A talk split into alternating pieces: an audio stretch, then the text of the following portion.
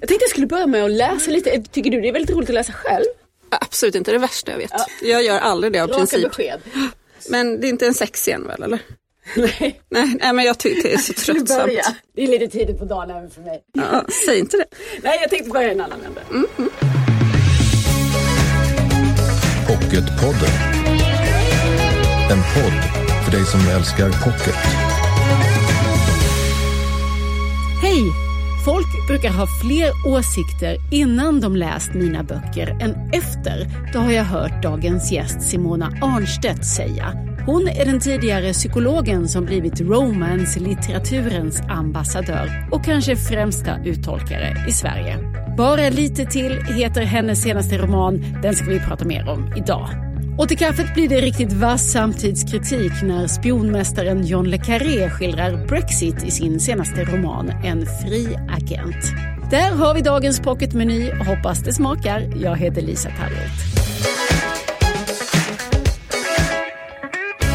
I romanen Bara lite till får vi lära känna Stella och jag läser.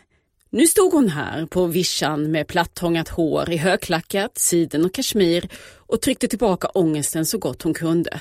Men hon hade en plan, en solid plan, inte galen alls. Hon skulle sälja sitt hus till en godsherre vid namn Erik. Det var ett litet hus och värdelös sten i mark hade Erik sagt, men hon kunde få ett skapligt pris vid snabb affär och hon skulle ta vad hon kunde, för det hon nu behövde var pengar. Dessutom skulle hon leta efter ledtrådar om sin hemlighetsfulla mamma, efter sin ännu mer hemliga pappa och sen skulle hon kvickt tillbaka till Stockholm för att fixa flytten till New York. Kosta vad det kosta ville. Komma bort från allt easy peasy. Om hon fick tillräckligt med pengar för huset förstås och om hon kom in på utbildningen. Hon viftade undan en insekt, så många om. Först skulle hon dock hitta Laholm. Stella rättade till Chanel-väskan, kramade sitt halsband som hon alltid, alltid bar som en talisman och såg ut över den öde platsen. En tom stationsbyggnad, en motorväg och en massa åkrar. Var fan Laholm nu låg. Välkommen till Pocketpodden Simona Arnstedt. Tack. Ja, där står hon Stella och det kommer ju inte att gå riktigt så som hon har tänkt sig och det beror till stor del på att hon träffar Laholmsbonden Tor redan där på stationen faktiskt. Och vi ska återkomma till Stella och Tor men först för det finns så många ändar att börja i när det gäller dig. Du har ju tioårsjubileum I år, som har jag, ja, i år har jag tioårsjubileum. Och på de här tio åren så har ju du fått hundratusentals läsare i Sverige, men också i USA och Storbritannien och Tyskland. Och eh, det här, bara lite till, det är din nionde roman och den tionde håller du på att jobba på för hösten. Ja, alltså tekniskt sett så, jag skriver på min tionde bok. Jag har skrivit nio långa böcker och en kort roman. Men ja, det, det känns bra att säga tio böcker på tio år. Det finns en lista att, eh, att botanisera i helt enkelt. Och sen har du ju också varit med och startat Romance Akademin. Så att du har ju liksom väl mutat in det här området romance, eller hur? Ja, Men sen så finns det ju också en annan, en annan presentation som jag tycker vi kan få med och det är att du är född i Tjeckien och kom hit som ettåring och så utbildade du dig så småningom till psykolog och jobbade som det i flera år innan skrivandet tog över. Jag har nog fortfarande varit psykolog längre än författare. Jag brukar tänka på det ibland, för jag var psykolog i nästan 15 år. Och vad brukar du säga att du gör när du hamnar bredvid Nu är jag, okänd? nej men nu är jag, alltså jag brukar säga, jag skriver böcker. varför, varför säger du inte att du är författare? Jag vet inte. Jag vet inte. Det låter inte som någon, en figur i en eh, Simona Arnstedt-bok som skulle förminska sig själv lite grann. Nej, alltså det handlar kanske mest om att, ja jag vet faktiskt inte. Jag vill bara inflika att jag träffar väldigt lite folk också. Men det där får du ta upp med din psykolog. Varför Ja, inte- jag tror att det handlar om att jag inte är jätteintresserad av att diskutera direkt vad jag håller på med med människor som jag träffar. Det får ta lite tid. Men jag kan tänka mig oavsett om man säger att man är psykolog eller författare så är det ett yrken som människor reagerar på. Ja, det är det nog. Är det det du tycker är lite irriterande? Jag vet, är inte irriterande utan det blir så väldigt mycket fokus på. Jag, jag, alltså jag kan inte svara på det. När jag var ung och pluggade till psykolog då brukade vi gå ut och då brukade vi säga att vi var massageterapeuter. Men det måste vi ha satt igång? Jo, men det var inte lika hotande. Psykolog kan vara ganska hotande för eh, folk. De blir gärna, åh, då måste jag tänka på vad jag säger. Och, Men alla vill känna en massageterapeut. Ja, när man var ung och gick på krogen så eh, var det en bra USP. Ja, smart. Den här tjeckiska sidan i ditt liv, mm. den har inte jag hört så himla mycket om. Vad, vad har den för plats idag? Ja, när jag växte upp, då var jag väldigt angelägen om att vara så svensk som möjligt. Gick inte omkring och var speciellt liksom, stolt över det, utan ville hellre vara, ja men äta Skogaholmslimpa och ha mamma och pappa som inte bröt när de pratade. När jag har blivit äldre så, så har det blivit roligare att gå tillbaka i rötterna. Och jag, var, jag minns när mina böcker sålde till Tjeckien och jag kommer ut till Tjeckien och de har precis köpt eh, flera nya titlar. Och det har varit väldigt betydelsefullt för mig att få komma ut i det landet som mina föräldrar en gång lämnade. Varför då tror du? Därför att Tjeckien ändå har en speciell plats i mitt hjärta och för att jag fick åka till Prag och göra PR och den här maten som jag växte upp med och det här språket som jag växte upp med. Att det, det har en väldigt varm plats i mitt hjärta. Pratar du tjeckiska? Ja, och jag trodde inte det först. För jag hade inte pratat på länge. Mina föräldrar skildes när jag var 15 och då slutade vi prata tjeckiska hemma. Sen läste jag tjeckiska på universitetet men Eh, jag hade inte pratat det på jättelänge och hade bett om en tolk för jag skulle vara med i tv. Men eh, all tjeckiska kom tillbaka så att jag pladdrade oavbrutet i fyra dagar. Det var som, ibland kunde jag höra mig själv säga saker som jag visste vad de betydde men jag, eh, jag hade glömt att jag visste det. Det var som att det låg på en begravd plats i, i hjärnan, språket, och så bara vällde det fram. Det var jätteroligt. Jag hörde dig någonstans säga det här att det är många som har åsikter om mina böcker innan de har läst dem, ja. färre åsikter efter att man väl har satt igång och läsa. Ja, alltså man kan ju ha åsikter fortfarande. Det är mer att man har fördomar eller man, man tror att man vet och sen när man har läst så visar det sig att det man trodde kanske inte stämde överhuvudtaget. Vad är det man tror att man vet? Ja, att det är böcker som inte skulle tilltala en och att det är böcker som liknar såna här Harlekin och Allers böcker man läste när man var 11, typ 40 år sedan vad skulle det vara? Väldigt stereotypt? Väldigt stereotypt, väldigt mallat, väldigt eh, ja, men omodernt skulle jag säga. Eh, jag upplever ju mina böcker och eh, genren romance när den är... Man måste komma ihåg att det är en jättestor genre. Det finns jättedåliga böcker i genren. Det finns fantastiska böcker i genren. Och när man läser de som är bra, då är det här en så modern genre. Jag har precis börjat läsa en bok idag där vet, det, är, det är hbtq-frågor, det är fraser som patriarkatet har inget kön och man pratar om slutshaming och kvinnligt företagande och penetrationssex är inte det enda sortens sex. Alltså sådana här frågor som är superaktuella och relevanta som jag inte egentligen upplever alls har lika framstående plats i mycket annan underhållningslitteratur. Så att för mig är det här en väldigt progressiv genre. Ja, och jag får ju erkänna att jag blev förvånad. Jag var inte sådär su superinsatt i eh, romance som genre. Men jag har ju hängt med de här senaste tio åren vartefter genren har etablerat sig i Sverige och den har ju då som vi vet varit stor länge i framförallt USA. Men jag tänkte nog kanske sådär att i första hand handlade om underhållning och eskapism. Men sen också när jag hört dig och, och eh, dina kompisar i Romansakademin prata så låter det ju nästan som att ni presenterar en politisk rörelse. Mm. Och eh, det är jättemånga av de författarna som jag själv läser och som jag gillar som är oerhört politiska och driver starka frågor om inklusion, om mångfald, om feminism. Så att ja, det är klart att det återspeglas i böckerna. Det var något som du sa som jag tänkte på. Jo, just det. En fördom eller en åsikt om de här böckerna är att det handlar om kvinnor som söker kärlek. Men poängen med de här böckerna är att de inte söker kärlek det är inte det som är poängen. De söker att utveckla sig själva, att bli självständiga, att växa som människor. Sen kommer ju kärleken också, ofta som en komplikation. Ofta är det det sista de är ute efter, kärlek. Du menar att kärleken är liksom ett hinder på vägen, någonting som man måste ja, men det är inte hantera? Det är inte målet med livet, att bli förälskad egentligen. Utan målet med livet är att, att bli en hel människa, att uh, hitta sig själv. Alltså för mig är det här utvecklingsromaner egentligen. Det är inte jakten på drömprinsen som det kanske var då långt i 50-talsversionen. Långt ifrån, ja. Jag skulle säga the opposite egentligen. Men um, till exempel då den här som vi har framför oss nu, bara lite till. På vilket sätt tycker du att du är politisk i den? Eh, jag skulle vilja säga på alla sätt. Eh, det handlar ju om ekojordbruk till exempel. Att eh, ta ansvaret för hur vi odlar mark och hur vi behandlar djur, vilket jag tycker är en politisk fråga. Det handlar ju om vithetsnorm och att inte tillhöra den. Alltså, så här, vissa frågor blir ju liksom politiska bara för att man tar upp dem. Bara du skriver en bok om en tjej som inte är kritvit så blir hon blir politisk bara genom att finnas. Vissa människor är ju politiska bara genom att finnas. Om de är homosexuella, om de är transpersoner, om de inte är vita. Skriver du böcker om personer som tillhör normen, ja då är de inte politiska för de behöver inte vara det. Men tänker du att du är ute efter att förflytta åsikter och, och normer kanske? Är det, liksom, ska det hända någonting med läsaren?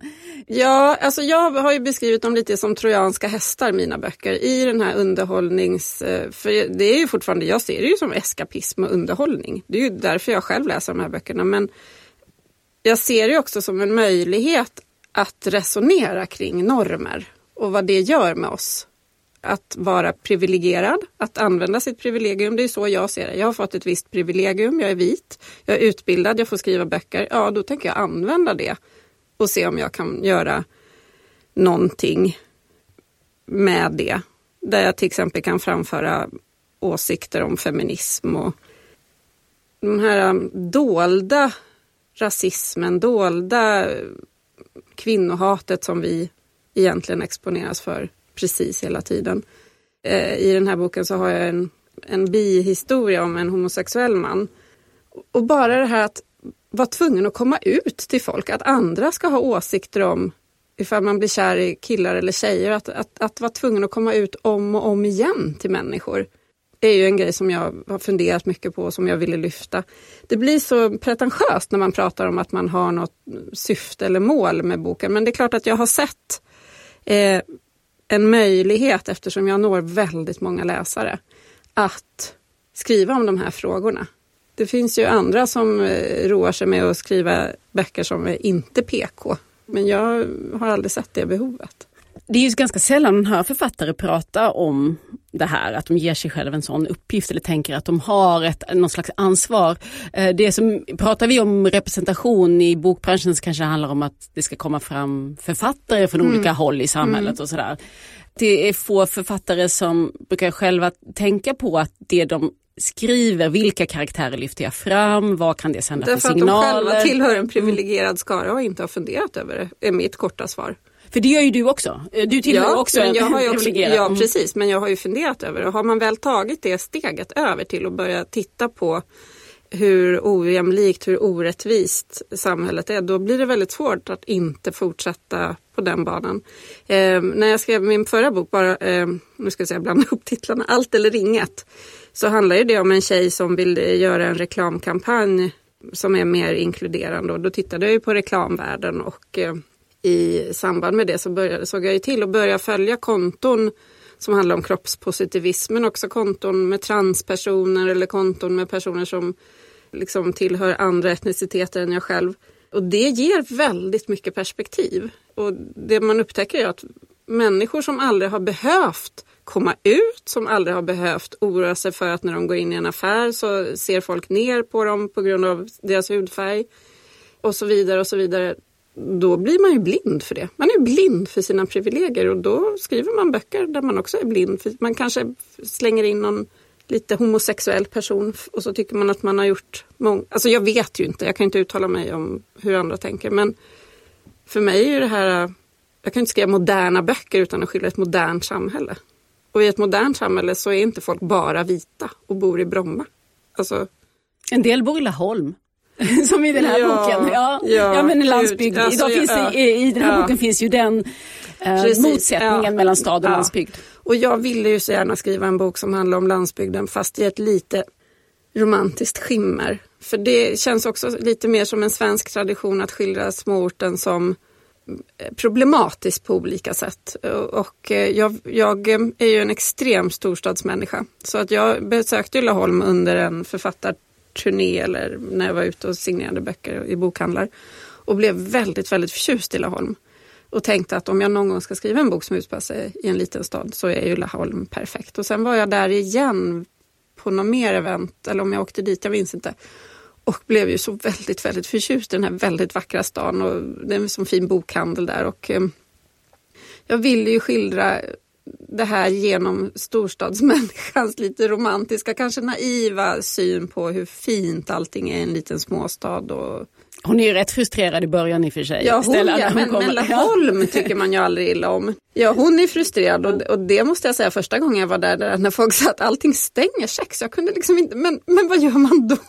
liksom, så att, då går man hem. Ja, så att för mig var det ju obegripligt, den lilla staden. Men det är också väldigt roligt att mm. skriva om det. Och vi pratar om det där att i samhällen där man mår um, har det ganska svårt, mm. där går underhållningslitteratur väldigt bra. Och i samhällen där man känner större trygghet, där verkar spännings och kriminallitteratur fungera bättre. Ja, fast spänning eh, är ju också underhållning. Mm. Alltså, men men eh, alltså, sånt som inte handlar om bara våld och brott har ju en tendens att dels under dåliga tider fortsätta sälja väldigt bra man har stort behov av att läsa det. Men också i länder där det är hög brottslighet eller hög otrygghet så är ju inte krim lika stort. Jag har ju alltid haft teorin att krim är så stort i Sverige för att vi har det så bra här och man vill läsa om sånt. Men också för att vi har duktiga krimförfattare, det naturligtvis.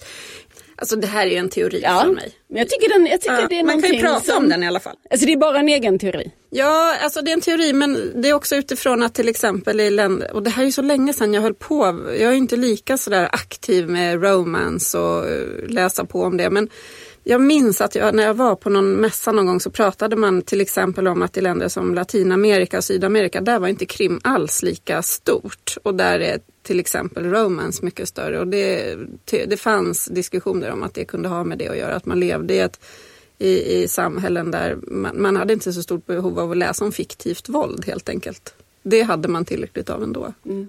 Och, och, nu växer då romance eh, genren i Sverige så mm. om, om den teorin skulle hålla så kanske det skulle tala om att vi har, känner lite ökad oro här då i Ja, eller att det börjar komma äntligen bra böcker att läsa. Vi har inte haft romance i Sverige. Det har inte funnits så mycket översatt romance. Mm. För vad det är, vad som är i de här dina böcker, det är ju jag tänker att skönhet, estetik, eh, vackra människor ofta, vackra miljöer är viktigt. Vill du förmedla en skönhetsupplevelse om jag säger så? Ja, jag föredrar nog det hellre framför grus i hallen och eh, smutsiga diskbänkar och liksom det här gråa hopplösa. Ja, men det gör jag nog. Jag tycker om det i min vardag också. Att ha det, ja, det estetiska, det gör jag nog. Att det blir som att man målar med ord. Stella här, hon har ju också ett stort intresse för mm. skönhet och estetik och mode framförallt, för det är det som är hennes dröm, att få syssla med design och eh, mode. Och det är många sådana ingående reflektioner och beskrivningar just kring design och mm, kläder och material och så här. Är det någonting som speglar ditt eget intresse? Eller? Bara i, i teorin. Jag är ju ganska klädointresserad men jag är väldigt fascinerad av sömnad och skrädderi och många konstformer. Det är också intressant tycker jag att eh, det är en konstform som eh, när den har utförts av kvinnor har haft en ganska låg status och de som har hög status det är ofta män. Och många såna här kvinnliga aktiviteter som broderi och stickande och sånt som är riktiga konstformer har ju låg status just för att det utförs av kvinnor och det har jag också tyckt varit intressant. Jag fattar att du gör mycket research mm. inför dina böcker. Mm. Så är det här till exempel någonting du har researchat inför bara lite till? Ja, eftersom jag har skrivit flera böcker där ehm, just skrädderi har varit, liksom, varit en del av handlingen så har jag, eh, ja, jag känner en kvinnlig hon heter inte sömmerska, det heter någonting annat. Ja, men kläddesign, de gör egna, de syr kläder och har en ateljé som jag har besökt. Så ja, det har jag gjort mycket. Mm. Intervjuat, intervju, jo men svenska kläddesigners har jag intervjuat Frida Jonsvens som eh, gör såna fantastiska klänningar som hon sitter och klipper ut blommor och broderar på. Ja, men det har jag gjort, det tycker jag är roligt. Jag skriver ju om sådana ämnen som jag själv är intresserad av. Och då passar jag på att intervjua folk. Och då fick du också med ekojordbruk, mm. för det sysslar Tor med, ja. den manliga huvudpersonen. Mm. Och vad har du plockat upp om det? Jag skrev ju den här, den här, tork, den här hemska sommaren som vi hade. 2018. Ja. Och då poppade det upp mycket diskussioner om att gamla såna här inte framavlade grödor till exempel klarar extremt klimat bättre. Alltså vi kan ju inte hålla på som vi gör. Att vi behandlar djur så illa som vi gör bara för att massproducera. Och här har jag ju träffat flera bönder och du letar upp en, en ekobonde och mm. ringer upp? Ja, eller flera ofta. Ja, och här letade jag upp ekobönder i Laholm dessutom, som jag besökte och det var så trevligt. De bjöd mig på eh, middag och vi åt saker från gården och sen så gick vi runt och hälsade på hönorna och så åkte vi ut där de hade sina kossor och så kom kossorna springande och, och en annan bonde var jag hos och då fick jag vara med när hon mjölkade sina kor och det kom någon kalv och slickade på mina fingrar och det var väldigt trevligt för en storstadsmänniska jag som jag. säga, det blev lite som att du blev ställa där ja, i, jo, men det är klart. i de där mötena. Ja. För Tor är ju romanens manliga huvudperson. Om vi nu förstår lite vad Stella, hon kommer till en helt ny plats. Eh, men det här är ju hans hemmamiljö, Laholm. Och vem är han, Tor? Ja, men han är ju en uh, ur-laholmare han har vuxit upp i Laholm, alla vet vem han var när han var liten, alla vet vem han är nu, han har en tragedi i bakgrunden och han är ju pappa då och försöker vara det så gott han kan. Alltså han är en människa som försöker hela tiden så gott han kan. Och kanske inte ser till sina egna behov i första hand. Och kanske inte är sådär lycklig men också tänker att det kanske inte, livet kanske inte går ut på att vara lycklig utan livet kanske, han, han får göra det han kan.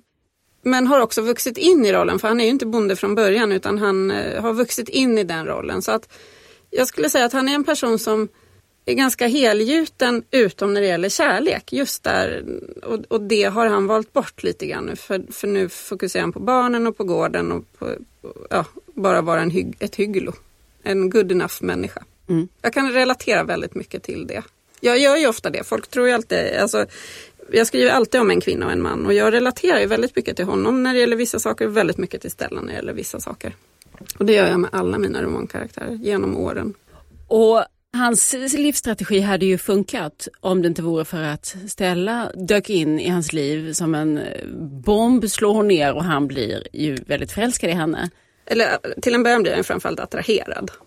Ja. Mm. Eh, men det går ganska fort tycker jag. Så är han ja. också upp över öronen kär ja. i henne. Ja, han var kanske, det kanske var dags för honom.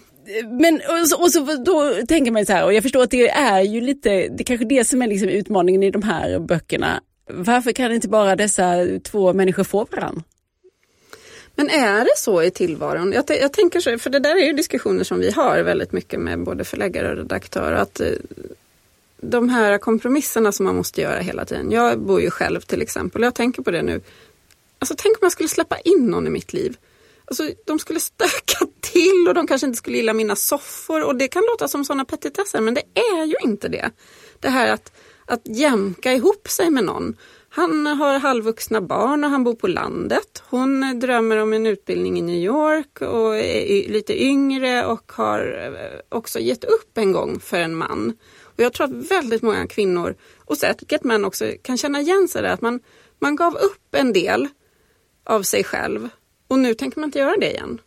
Eh, så att just det där att det är klart att de bara kan få varandra, men vem ska ge upp vad då? Och hur ska man komma fram till det och hur ska man välja vilket liv man ska leva så att båda är nöjda. Jag tycker jag hör det här hela tiden. Någon som vill köpa nytt hus men den andra vill spara pengar. Någon som vill köpa, åka jorden runt men någon vill hellre inte flyga. Så livet består ju hela tiden av de här hur mycket ska man ge upp av sig själv?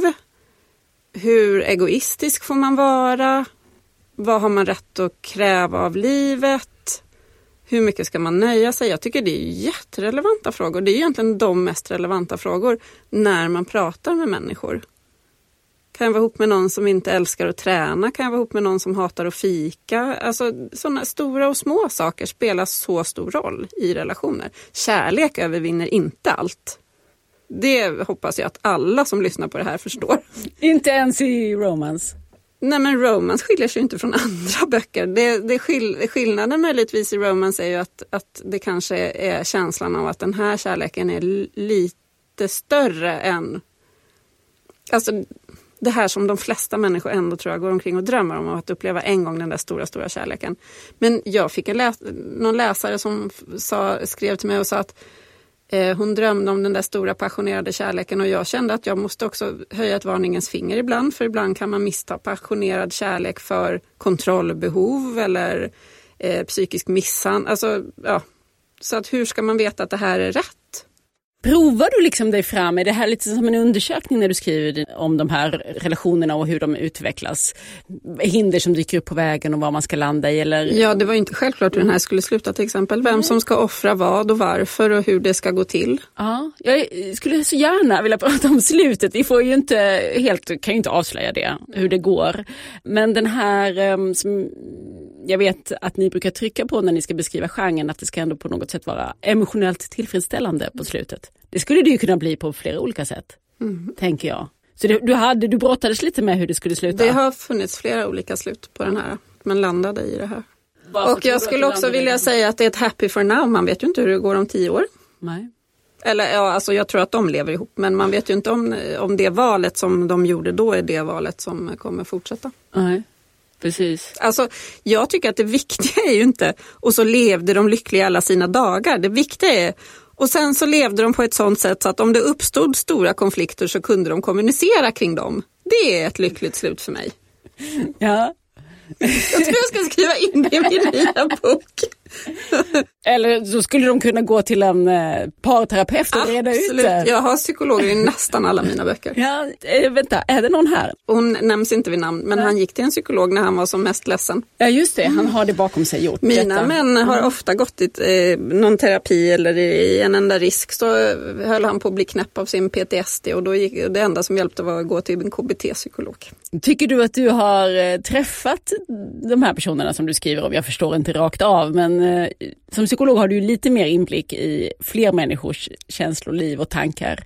Tycker du att du har träffat dem? Är det huvudpersonerna du pratar om? Ja, jag alla? tänker dina karaktärer. Ja. Ja, det, är, det är nog som för alla som skriver böcker, man tar lite här och man tar lite där. Jag, jag skulle säga att jag har förvånansvärt mycket av mig själv i böckerna. Man använder ju olika aspekter av sig själv. I den här använder jag faktiskt föräldraskapet lite grann min ständiga längtan efter att ha en get fick vara med här. För det, är min, ja, det är ju en otroligt min, gullig liten alltså killing. Det är min dröm. Jag, jag tillbringar oproportionerligt mycket tid på Youtube och tittar på, på get. Men du bor ju i lägenhet. Ja, Var ska vet. du ha en get? Ja, men jag vet. På jag tal om att kompromissa ja. med saker. Ja. Men jag kan ju, ja, det är för långt bort Laholm. Man ska inte åka som, alltså det är jobbigt för jag är väldigt miljömedveten och jag kan inte hålla på att köra till Laholm och jag kan inte flytta från Stockholm för här har jag mina barn. Nej. Så att livet består av kompromisser och jag tror egentligen att det är det mina böcker handlar om väldigt mycket. Den vuxna kärleken består av kompromisser, av kommunikation och av ett evigt slit. Visst låter det som en romance? Verkligen! Tusen tack Simona Arnstedt för att du kom hit till Pocketpodden. Tack så mycket för att jag fick komma. Pocketpodden.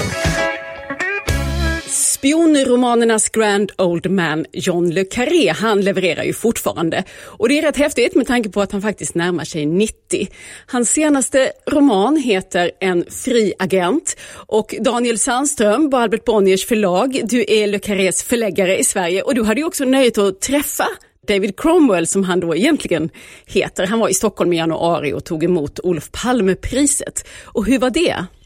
Ja, det var en stor dag får jag säga. Alltså, det här Palmepriset eh, berörde honom, tror jag, på ett djupt plan. Han kände en stark affinitet med Palme på olika sätt. Och det är också så att Palmes liv, som han levde det, men också med mordet, är som hämtat ur en Le Carré-roman. Och det förstod han väldigt mycket. Och det, han såg väldigt starka kopplingar mellan sig själv och Palme, samma generation och liknande erfarenheter. Inte minst efter kriget. Det var en stor dag. Jag, jag sa till någon kollega att det är lite som att träffa Dickens, alltså, eller liksom Sherlock Holmes, eller eh, Arthur Conan Doyle. Alltså en, en person som man vet kommer att ingå i litteraturhistorien och bli läst om 50-100 år och har liksom varit i hans närhet. Det var fantastiskt.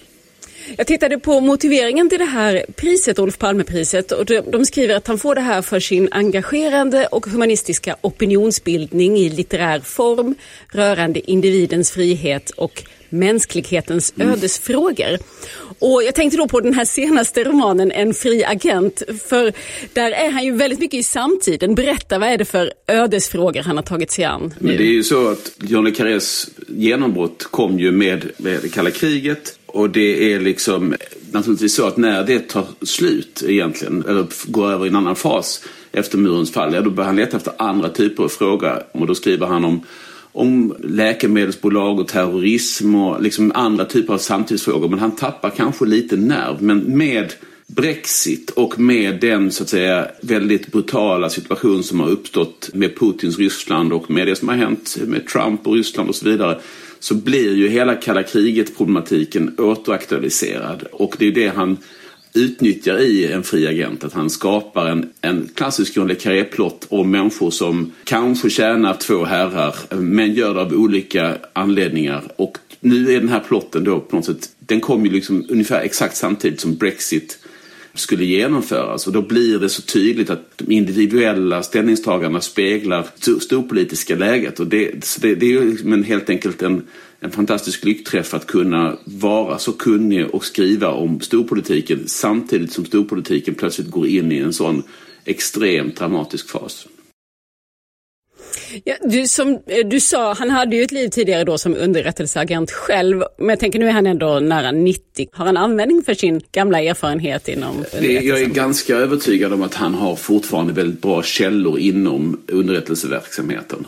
Det finns säkert saker som gäller teknik och praxis och sådär som har utvecklats. Men vad han är ute efter är ju egentligen de individuella motiven. Varför, var, vad drivs en människa att gå över till andra sidan? Var, varför blir man agent? Vad är det som gör att man är gjord för att kanske vara bedräglig eller ljuga eller svika? Vilket agenter då i hans värld måste vara. Mm. Jag har ju hört honom i intervjuer att han är ganska förbannad på Brexit och hela den cirkusen. Eh, Lyser den här eh, kritiken mot hemlandet igenom också i En fri agent? Ja, det gör det. Det får man säga. Alltså, den, den är ju eh, en roman som, som handlar om en man som gradvis börjar inse att ska jag liksom jobba för de här britterna och de här amerikanerna ja, då kan jag lika gärna jobba från andra sidan för de är inte ett dugg mycket bättre. Jag ska inte säga mer än så för plotten för att det, man avslöjar för mycket men helt enkelt är det ju hos Le Carré, även under eh, de böckerna från 60-talet och senare så fanns det alltid en, liksom en frågeställning om vi inte är bättre än vår motståndare. Är, vad är vi då? Om man inte ställer högre krav på ett demokratiskt samhälle som England än vad man gör på, på Sovjet till exempel. Vad är vi då? Att det fanns Individen blev oftast offrad för det stora systemet men var det inte individerna från början som systemet skulle försvara? Så det är liksom hans stora hjärtefråga, den lilla, lilla människans möjligheter att överleva mot det brutala systemet som råkar kanske vara det egna systemet men som ändå någonstans kommer att krossa dig om de behöver göra det. Ett återkommande tema för John le Carré som återigen är aktuell. En fri agent heter hans senaste roman som nu finns i pocket. Tusen tack Daniel Sandström, förläggare på Albert Bonniers förlag. Tack själv. Nästa gång är det Mattias Edvardsson som är gäst här i Pocketpodden och vi ska prata om hans nya roman Goda grannar. Ja, ni fattar ju, de är allt annat än goda. Hur nära vill man egentligen komma sina grannar? Det är någonting som han har funderat på. Mer om det då. Tills dess, följ oss gärna i sociala medier. Där heter vi Älska Pocket och jag heter Lisa Tallroth. Hej då! Du har lyssnat på Pocketpodden. En podd från Bonnierförlagen.